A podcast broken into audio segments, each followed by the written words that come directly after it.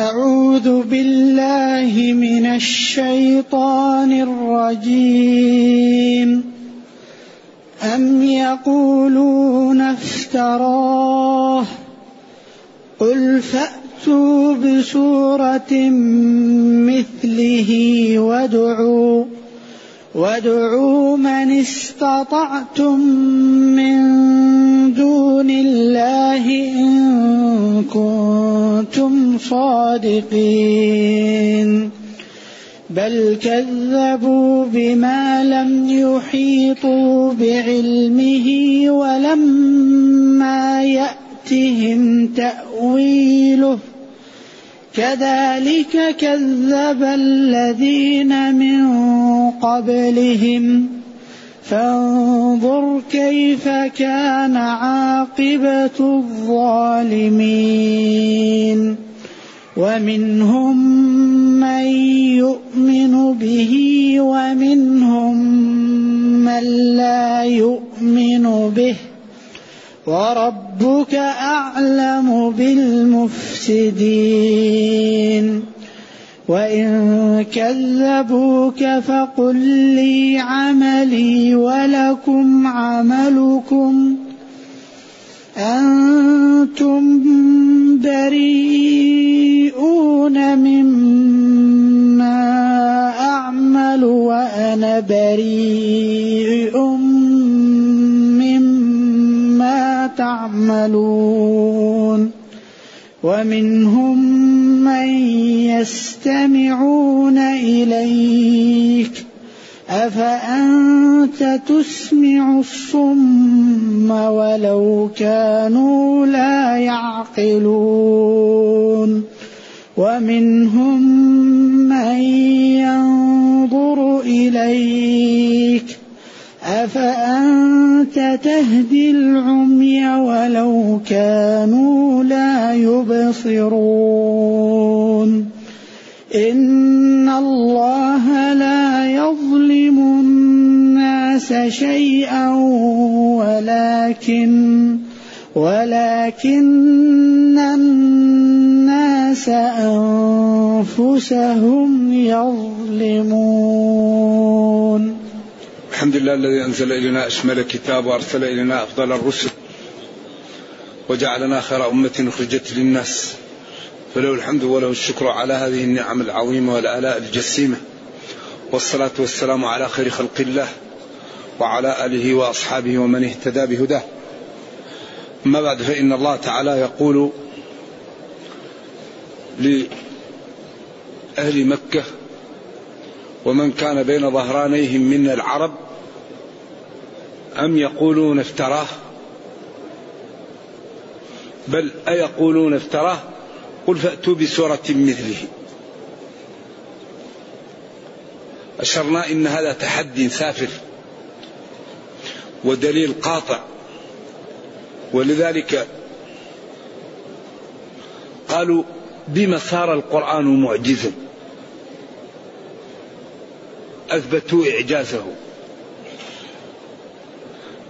والدليل الواقع لأن قريش كانت أصحاب فصاحة وبلاغة ووصلوا في ذلك ما لم يصله شعب.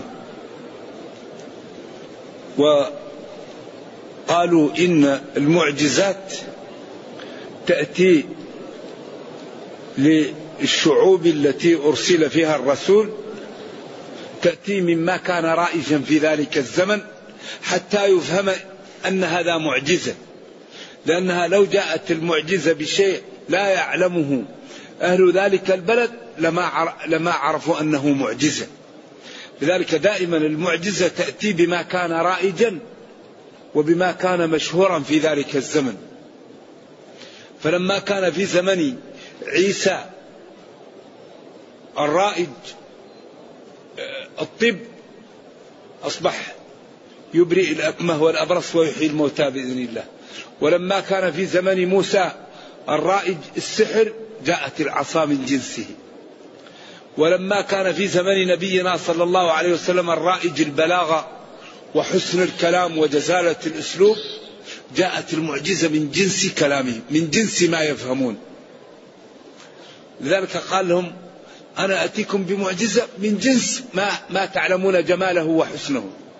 ما هو أنتم أجمل شيء عندكم المعلقات والشعر و وإنما الشعر لب المرء يعرضه على المجالس إن كيسا وإن حمقا وإن أصدق بيت أنت قائله بيت يقال إذا أنشدته صدقا.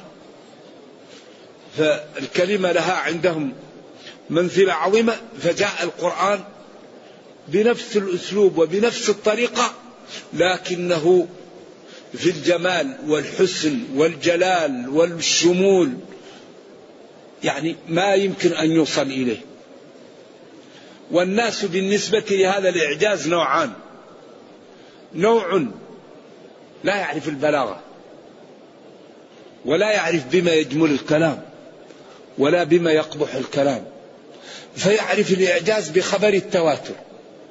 أن قريشا أرسل إليهم رسول وقال لهم دلالة صدق هذا الكلام فإن عجزتم عنه فصدقوا بي وإلا فاعلموا أن ربكم سيعذبكم.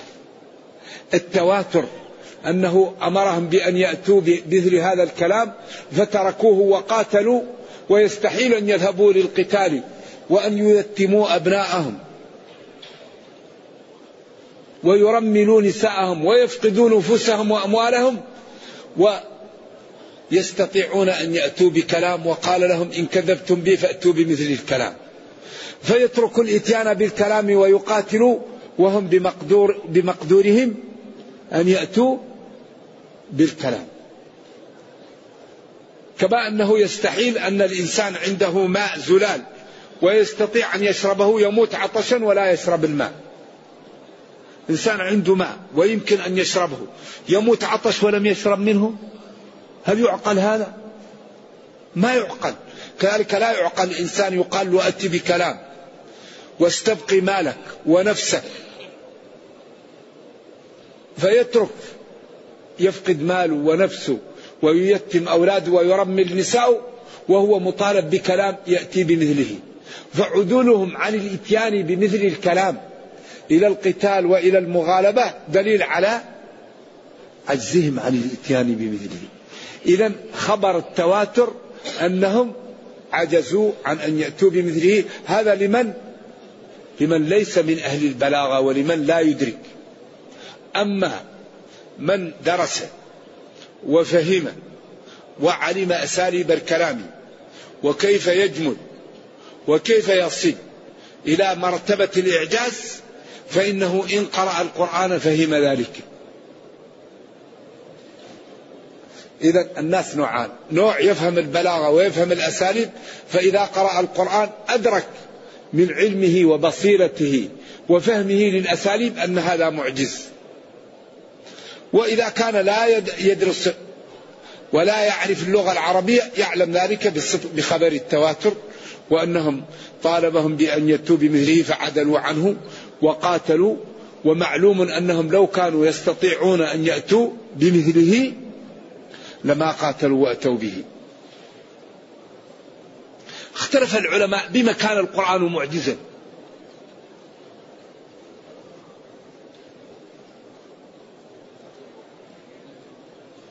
ويمكن أن نجمل الأقوال في قولين. القول الأول قاله بعض العلماء وبعض المعتزلة وقالوا إن القرآن معجز بالصرفة يعني الله تعالى صرف عقول قريش عن أن يأتوا بمثله وإلا بمقدورهم أن يأتوا بمثله. وهذا الكلام مرذول ومرجوح وباطل بدليل أنهم تعجبوا من حسنه. ولو كان بالصرفة لما حاول مسيلم الكذاب أن يأتي بمثله. فقال والطاحنات طحنا والخابزات خبزا واللاقمات لقما. وقال أعوذ بالله أصبح ضحوكا الفيل وما أدراك ما الفيل. يعني أصبح عياذا بالله. ولذلك لما جاء قال له أبو بكر والله لتعلم أني أعلم أنك لكذاب. أبو بكر والله قال له لا تعلم أني أعلم أنك لكذاب هذا ما خرج من من من من فم يعني أصبح ضحوكا إذا لو كانوا صرفوا لما حاول مسيلمة أن يأتي بمثله. الأمر الثاني أنهم استعجبوا من حسنه. قال والله ما هو بسحر وما هو بشعر وما هو بكهانة. والله إن أعلاه لمذر وإن أسفله لمغدق. قالوا لازم تقول فيه. قال ماذا أقول؟ قال لازم تقول. كيف أقول؟ ما في شيء يمكن يقال. فكر وقدر. ثم قتل كيف قدر. ثم نظر. ثم عبس وبسر. ثم أدبر واستكبر. بعدين هو يعلم أنه كاذب. فقال إن هذا إلا سحر يظهر وهو يعلم أنه كاذب بس قال هو يفرق بين المرء وزوجه. يكون مسلم وهذا يكون كافر فيتفرقان وكذلك السحر يفرق بين المرء وزوجه. وهو يعلم أنه كاذب. قالوا إن القرآن معجز بثلاثة أمور. واحد ينفرد به والأمور الأخرى يشترك معه فيها غيره من الكتب. أول شيء الإخبار بالمغيبات.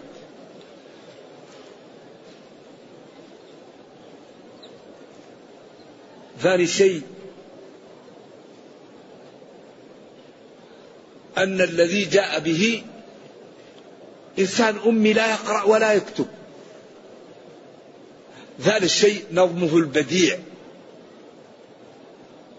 الذي لا يعهد أن يكون كلام بهذا الطول وبهذا التفنن وبهذا التنوع ويكون كله جميل لا يوجد فيه شيء غير جميل. لا يعهد هذا في كلام البشر. ولذلك نظم القرآن البديع وتحته عشر جمل. ولذلك لما سئل بندار أين الإعجاز في القرآن؟ قال هذا سؤال فيه حيف على المعنى. أين الإنسان من الإنسان؟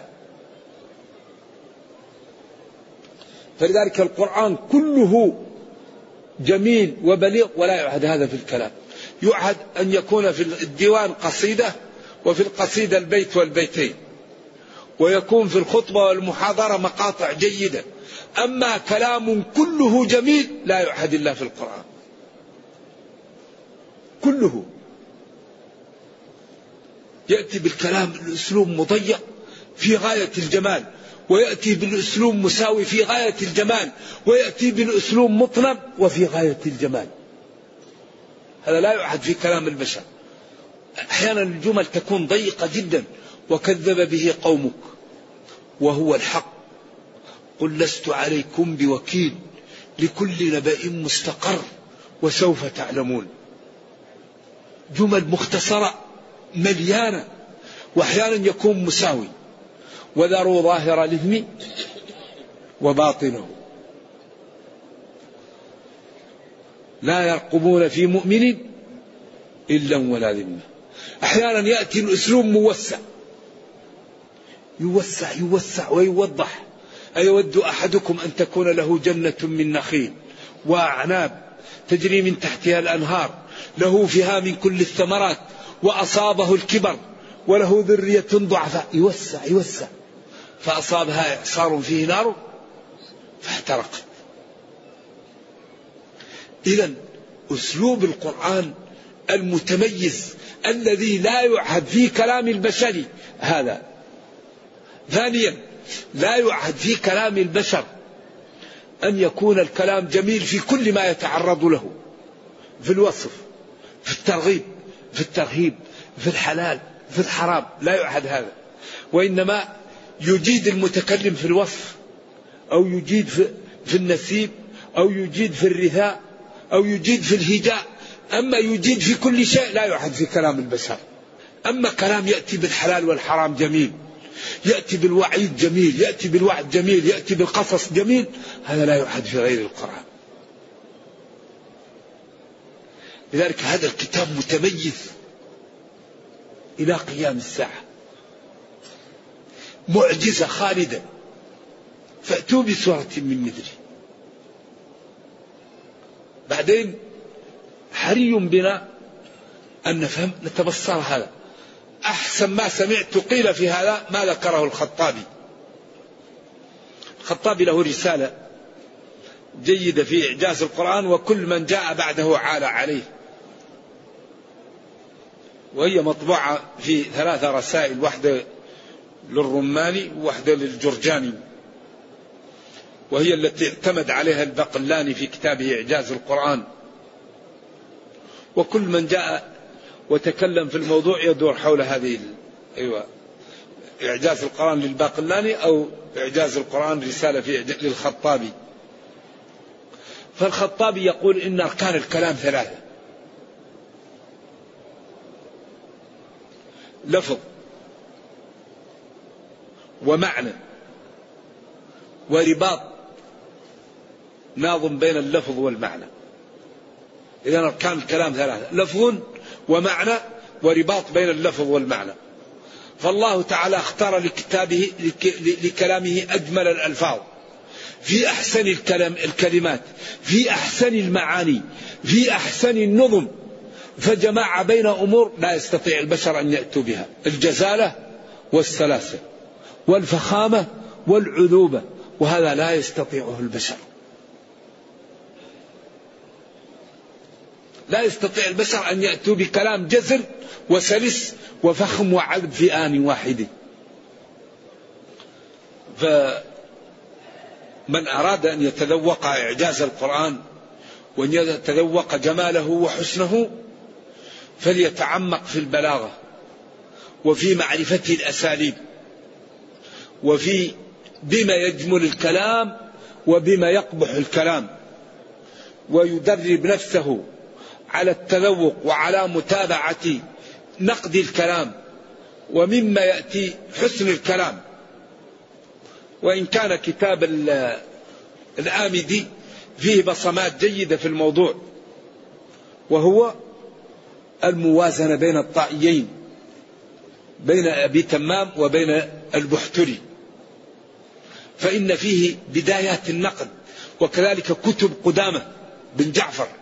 نقد الشعر ونقد النثر وكذلك الأشباه والنظائر للخالديين في السرقات لأنهم اصطلحوا على أن يقول أول من قال هذا المعنى فلان وأخذه منه فلان أخذ فلان من فلان يسموه سرقة وأجاد فيه وفلان نقص وفلان سوى.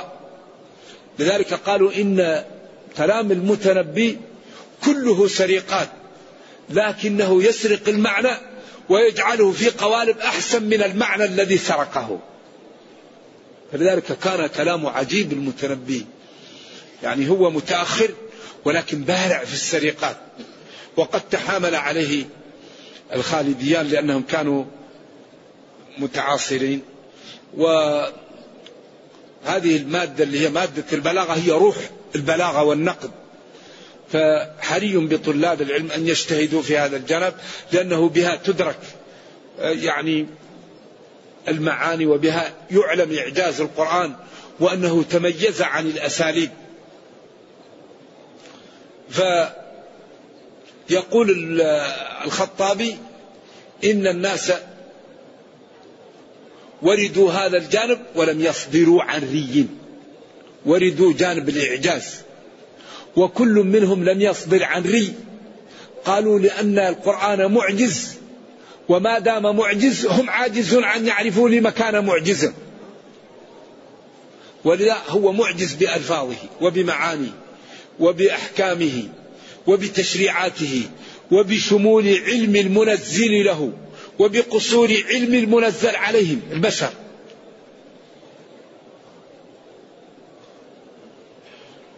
لذلك يقول جل وعلا قل فأتوا بسورة مثله. أنتم قلتم إنه لم يأتي به ائتوا بسورة مثله. وادعوا من استطعتم من دون الله إن كنتم صادقين. وادعوا من استطعتم من دون الله إن كنتم صادقين في أنه لم يكن من عند الله. إذا هذا تحدي واضح. هذا بيان أن القرآن من عند الله. فإن لم تفعلوا في الماضي ولن تستطيعوا أن تفعلوا في المستقبل فهناك الخطر ماثل وقد أوعد المكذب به النار فاتقوا النار. إذا هذا أكبر دليل على صدق النبي صلى الله عليه وسلم وعلى وحدانية الله وعلى أن هذا الدين صحيح. ذلك قريش كانوا يقول لا تسمعوا لهذا القرآن والغوا فيه تكلموا فيه. لكن إذا جاء الليل كل واحد يلقن الجدار أو الطاقة أذن ليسمع. ولما يخلو يقولوا والله كلام عجيب. إيش هذا؟ إيش الجمال؟ إيش الحسن؟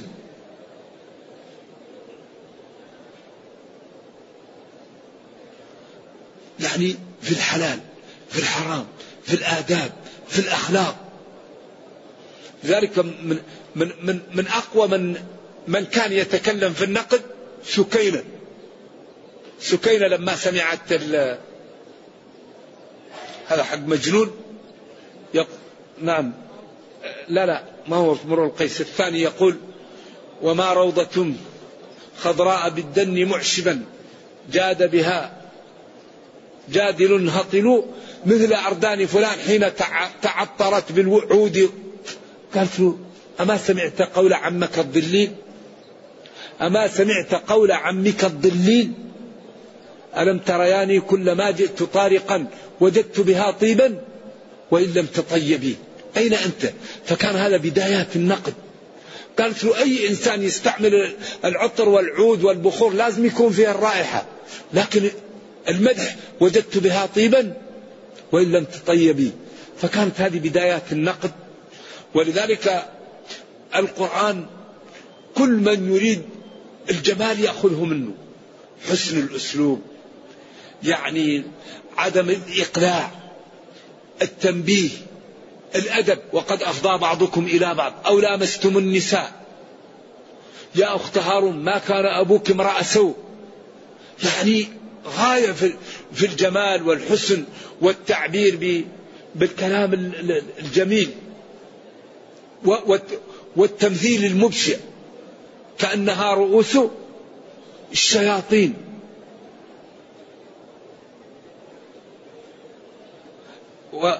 فكأنما خر من السماء فتخطفه الطير أو تهوي به الريح. وقدمنا إلى ما عملوا من عمل.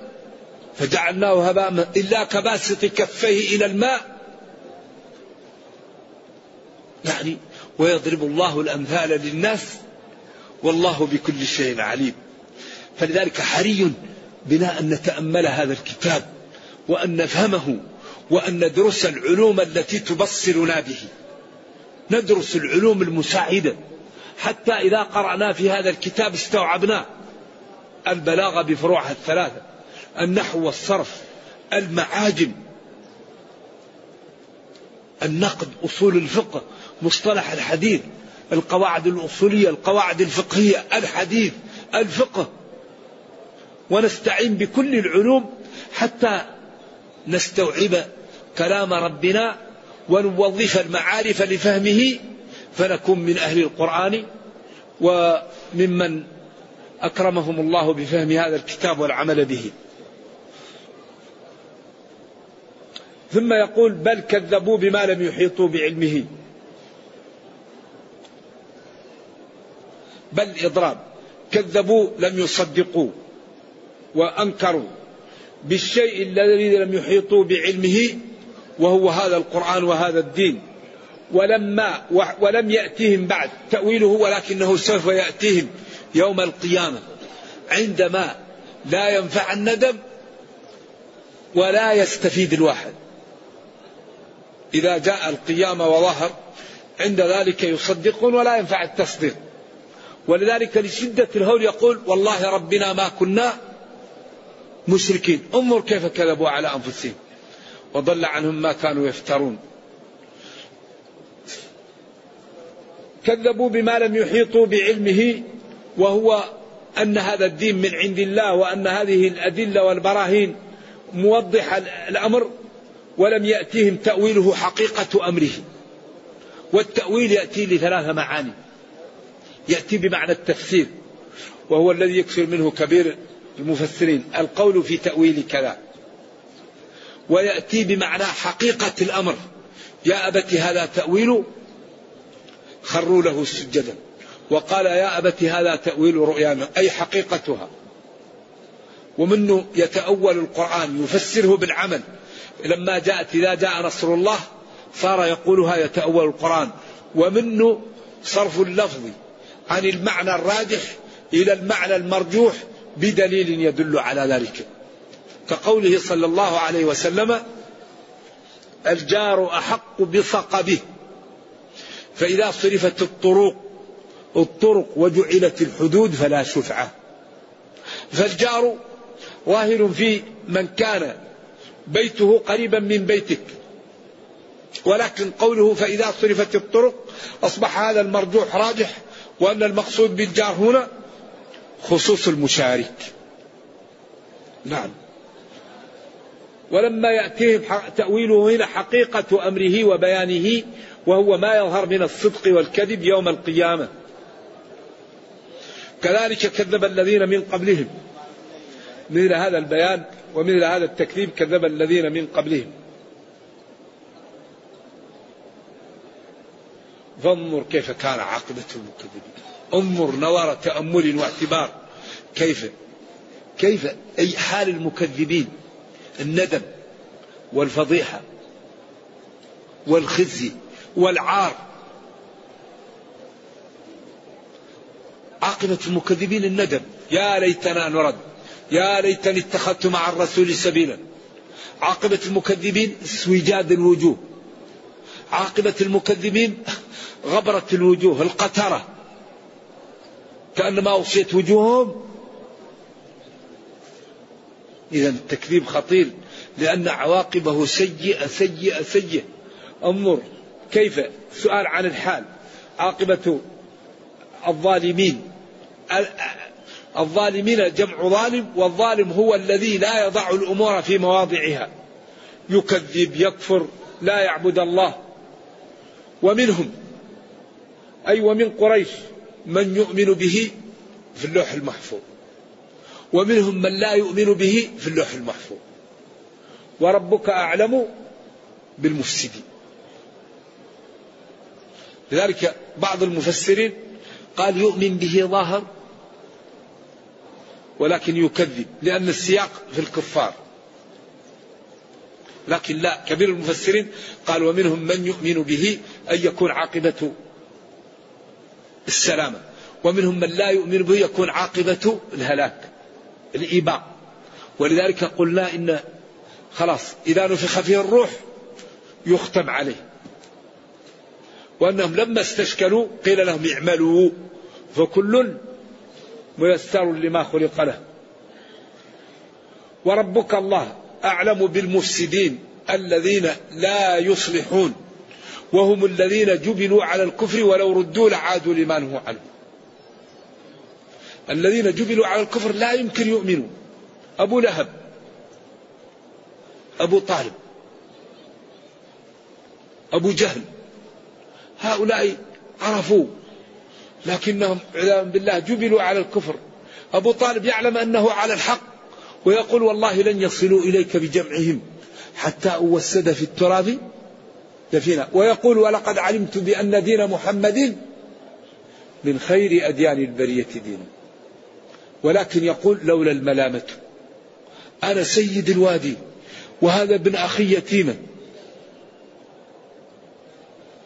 كيف أتبعه؟ يعني ولذلك أخطر ما يواجه الحق الكبر. أخطر ما يواجه النصوص. أنا مذهبي شيخي أبي لا. اتبعوا ما أنزل إليكم. العلم قال الله قال رسوله هذا عم النبي ورباه وجاب أبيه وهو يعلم وكل الأمور من بدايتها ينظر إليه. لكن قال أنا سيد قومي وهذا ابن أخي يتيم ربيته كيف أتبعه؟ ولكن الله يمن على من يشاء. هذه منح إلهية. لا يسأل عما يفعل. فلذلك ينبغي للمسلم أن يتبع الحق. يمكن خادم عندك في البيت يكون أقوى منك علميا. طيب هذا الخادم أنت الله أعطاك من الإمكانيات ما تخدم هذا. وهو أعطاه ما يكون أعلم منك. تقول هو خادم عندي لا بد يكون أعلم منه؟ لا. إذا الحق يقبل والخطأ يرفض. وربك أعلم بالمفسدين أي بالكافرين الذين يفسدون الدين ويفسدون الناس بإشاعة الحرام والوقوف في وجه الحلال وإشاعة الفاحشة. والرغبة في أن يظهر الظلم والضلال.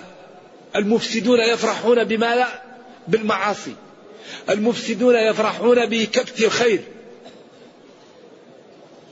ولذلك لا يرضى المفسدون إلا إذا ترك الصالحون دينهم. ولن ترضى عنك اليهود ولا النصارى حتى تتبع ملتهم. ما يمكن. يفرح أننا نترك الدين. آية المائدة التي فيها هذا الأشياء إشارة إلى الآيات تبين أن المسلم إذا انحرف يفرح الكفار بهذا. وإن كذبوك يا نبيي وإن كذب قريش النبي صلى الله عليه وسلم. الواو لقريش والكاف للنبي صلى الله عليه وسلم. فقل لهم لي عملي ولكم عملكم. مثل قل يا أيها الكافرون لا أعبد ما تعبدون ولا أنتم عابدون ما أعبد. وكأن التحقيق أن هذه الآية منسوخة بإيش؟ حتى يعطوا الجزية عن يده. هذا في أول الأمر. أما بعدين لا. لا بد من الإذعان للإسلام. هذا في أول الإسلام. فالآية منسوخة أنتم بريئون مما أعمل وأنا بريء مما تعملون. هذا منسوخ بقوله قاتلوا الذين لا يؤمنون بالله ولا باليوم الآخر ولا يدينون دين الحق من الذين أوتوا الكتاب حتى يعطوا الجزية عن يد. وبالحديث في مسلم فادعوهم إلى ثلاث خصال. الإيمان أو الجزية أو إيش؟ أو القتال. فلا بد أهل الأرض من أن يذعنوا للإسلام. إما بالدخول فيه وإما بتحت أن يكون تحت سلطة الإسلام. لا بد أهل الأرض أن يكونوا تحت سلطة الإسلام لأنه هو الذي يشيع العدالة والرحمة ويأتي بالصدق ويأتي بالأمن ويبث الطمأنينة ويرفع الجور ومنهم من يستمعون إليك. من هؤلاء الكفار. أفأنت تسمع الصم ولو كانوا لا يعقلون؟ ومنهم من ينظر إليك. أفأنت تهدي العمي ولو كانوا لا يبصرون؟ هذا يشير إلى أن هؤلاء الشرائح من الكفار موارد العلم ختمت عن الاستفادة. وأن هؤلاء عياذا بالله كتب عليهم الشقاء. لأنه قال ولقد ذرعنا لجهنم كثيرا من الجن والإنس. لهم قلوب لا يفقهون بها. ولهم أعين لا يبصرون بها. ولهم آذان طبعا لا يسمعون بها الحق لا يبصرون الحق لا يعقلون الحق. ولذلك قال أسمع بهم وأبصر يوم يأتوننا. لكن الظالمون اليوم في ضلال مبين. وأشار لنا أنه أعطانا هذه الأمور لنشكره. وجعل لكم السمع والأبصار والأفئدة لعلكم تشكرون. هنا الكفار هذه لا يستعملونها في طاعة الله أما المتقون فيستعملون موارد العلم لشكر الله ولطاعة الله ولامتثال أوامر الله واجتناب نواهيه وللتأدب بالآداب وللعمل لهذا الدين. إذا هذه الأمور الحقيقة ينبغي أن تعتبر وأن يعمل بها وأن يستفيد المسلم قبل أن يقع في الورطة وفي الندم. ومنهم يا نبي من يستمع إليك يستمعون إليك للقرآن ولكنهم لا يسمعون لأنهم صم ولا يعقلون لأنهم لا يستعملون العقل ولأنهم لا ينظرون للإفادة. ثم قال جل وعلا إن الله لا يظلم الناس شيئا ولكن الناس أنفسهم يظلمون. الله أرسل الرسل وأعطى العقل. وما أرسلنا من رسول إلا بلسان قومه ليبين لهم. لابد يبين الرسول. والنبي صلى الله عليه وسلم أمر الصحابة بأن يتعلموا لغات من هو معهم حتى يبينوا لهم. وما كنا معذبين حتى نبعث رسولا. وقال في حق أهل النار كلما ألقي فيها فوج سألهم خزنتها. ألم يأتكم نذير؟ قالوا بلى. قد جاءنا نذير فكذبنا. وقال لم نجعل له عينين ولسانا وشفتين وهديناه نجدين. هذه طريق الحق واضحة. هذه طريق الباطل جهنم واضح. والله أعطاك العقل. وقال رفع عن أمتي الخطأ والنسيان وما استكرهوا إليه. وقال لا تكليف إلا بالعقل وكل تكليف بشرط العقل. إذا الحجج قائمة والبراهين ساطعة. وقال فأتوا بسورة مثله وخوف. قال هؤلاء لهم قلوب ولهم أعين ولهم آلان لكن هذه الموارد محجوبة. لأنهم ما بالوا ما تستعملوا ويوم نحشرهم ويوم يحشرهم. كأن لم يلبثوا إلا ساعة من نهار.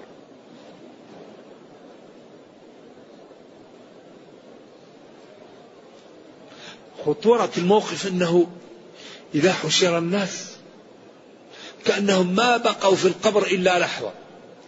لأن القبر مفتوح نافذة منه للعمل. فالطيب يا رب قم الساعة حتى نذهب إلى منزلي في الجنة. والبطال يا رب لا تقم الساعة حتى لا أذهب إلى جهنم. فيكون الوقت قصير على أهل النار لما يروا أمامهم. ويوم يحشرهم هؤلاء الكفار كأن لم يلبثوا في القبور إلا ساعة يتعارفون بينهم. ساعة أول ما يشوف أنت فلان بعدين يبدأوا يتلاومون وبعد يبدأ كل واحد ينفر من الثاني.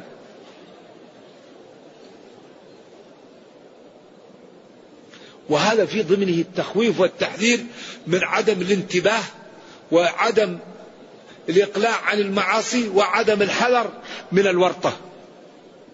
ويوم يبعث هؤلاء الكفار كأنهم لم يلبثوا في قبورهم إلا ساعة. تنكير للتقليل من النهار. يتعارفون بينهم. أنت فلان أنت فلان. وبعدين يبدأوا في التلاوم قد خسر الذين. قد خسر نقص. الذين كذبوا بلقاء الله حظوظهم وما كانوا مهتدين.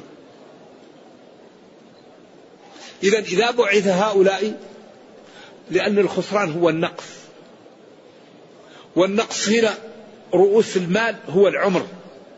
والتجارة أنك العمر تستعمله في الحلال وتترك الحرام وطاعة الله والأعمال الطيبة.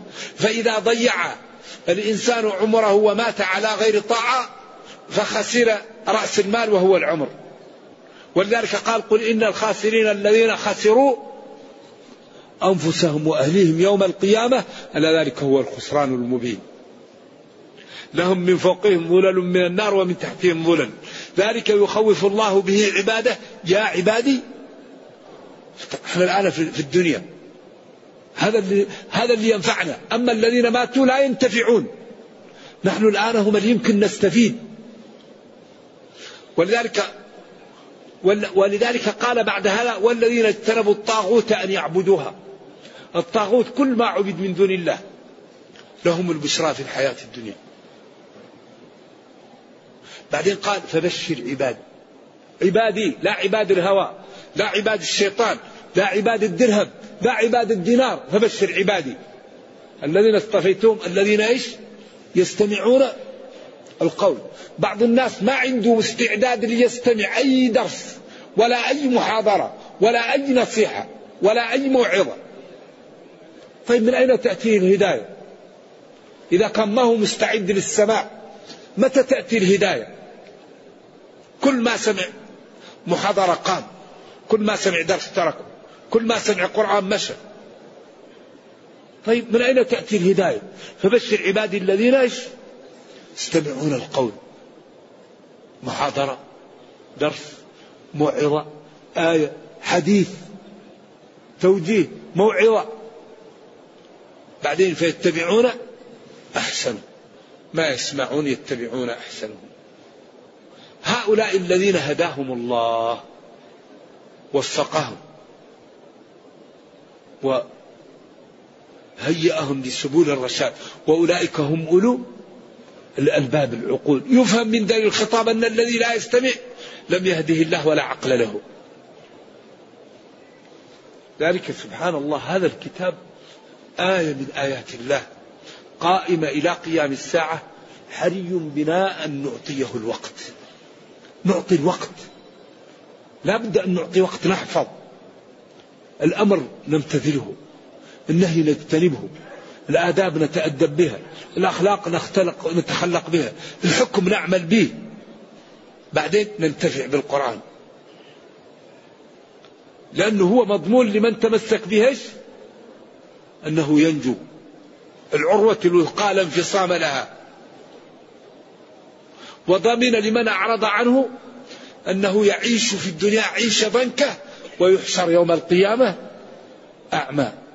ومن أعرض عن ذكري فإن له معيشة ضنكا. ولو غني.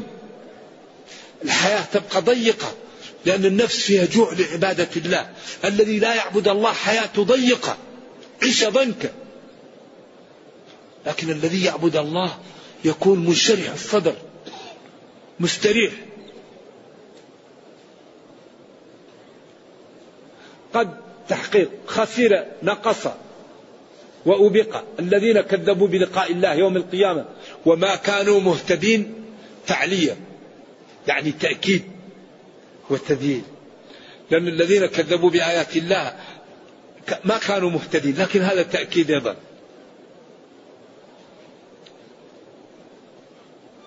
وإما نرينك بعض الذي نعدهم أو نتوفينك. وصلنا هذا ولا لا؟ إذا بهذه الآيات الحقيقة لا عذر لنا. فينبغي لكل واحد منا أن يعمل برنامج مع كتاب ربه. يقرأ يأتيه أمر ينفذ. يقرأ يأتيه نهي يتجنب. يأتيه آداب يتخلق. يأتيه موعظة يعتبر. لما الصحابة نشروا الدين في مدة وجيزة. كان الواحد منهم إذا حفظ عشر آيات جلس عندها. قال حتى تعلمنا العلم والعمل. يكفيك أن عمر جلس على سورة البقرة 12 سنة. عمر وابنه عبد الله ثمانية سنوات. سورة البقرة عمر يجلس عليها 12 سنة. لكن الصحابة يدرسوا المنطوق والمفهوم والفحواء والعموم والخصوص والإجمال ويطبقوا فيتشبعوا بالدين فيصبح كل من يخالطهم تصيب عدوى الإيمان. لأن الإنسان إذا تشبع بشيء من خالطه سرى فيه ذلك. فهم كانوا متشبعين بالدين رضي الله عنهم. ولذلك نشروا الإسلام في مدة وجيزة بسلوكهم. فنحن نعطي وقتا لكتاب ربنا ونرفق بالناس. الناس إما طيب وإما بطال. فالطيب نكرمه لأنه طيب والبطال نكرمه لإزالة البطالة عنه. فطالما استعبد الإنسان إحسانه. وأحسن إلى الأحرار تستعبد قلوبهم فخير تجارات الأحرار اكتسابها. فالطيبون لا بد أن يكرموا الناس. الناس الطيب تكرمه لأنه طيب والبطال تكرمه لإزالة البطالة عنه. ونتعود على النزاهة. من يعجبنا نصاحبه ومن لا يعجبنا نتجنبه. هل سمعتم ربنا يقول سبوا فرعون؟ هل سمعتم ربنا يقول سبوا قارون أو سبوا هامان؟ الله ما تعبدنا بسب الكفار فلا نسب المسلمين. من عمل صالحا ومن ساء فعليها وإن كان ولا بد نقول فلان قال كذا وهذا القول خطأ. النية عند الله ولا نتهم الناس وكل واحد قال الحق نقول هذا حق واللي قال خطأ نقول هذا الكلام خطأ بدليل كذا وكذا. ومن قال الحق نقبله ومن قال الخطأ نرد ونرفض ومن يعجبنا نصاحبه ومن لا يعجبنا نتجنب. هذا أقل ما فيه يسلم لنا حسناتنا تسلم لنا حسناتنا. لأن أكثر ما يأكل الحسنات الكلام في الناس. فنتعود على النزاهة وعلى الصدق وما أردناه يعطيه لنا ربنا. لأن ربنا يقول ادعوني أستجب لكم. ويقول إن الله لا يضيع أجر من أحسن عملا. ويقول ولينصرن الله من ينصره. والدنيا وضعها خطير. قل متاع الدنيا قليل والآخرة خير لمن اتقى ولا تظلمون فتيلا نرجو الله جل وعلا أن يرينا الحق حقا ويرزقنا اتباعه وأن يرينا الباطل باطلا ويرزقنا اجتنابه وأن لا يجعل الأمر ملتبسا علينا فنضل. سبحان ربك رب العزة عما يصفون وسلام على المرسلين والحمد لله رب العالمين والسلام عليكم ورحمة الله وبركاته. ما معنى قوله تعالى إنا لننصر رسلنا والذين آمنوا في الحياة الدنيا ويوم يقوم الأشهاد؟ إنا الله. إن توكيد ولا الله. معظم نفسه وهو عظيم. لننصر اللام للتأكيد. ننصر نعز ونجعل له الغلبة ننصر رسلنا. موسى وعيسى ومحمد صلى الله عليه وسلم. والذين آمنوا في الحياة الدنيا. وننصرهم يوم يقوم الأشهاد يوم القيامة لأنهم يظهر صدقهم ويظهر عزتهم ويظهر كذب الكفار. أما في الدنيا فالرسل إذا أمرت بالقتال لا بد أن تنصر. أما إذا لم يؤمر الرسول بالقتال فقد يقتل كما قتل زكريا غيلة. أما إذا أمرت الرسل بالقتال وهيئت فالعاقبة لها. لأن الله قال وإن جندنا لهم الغالبون.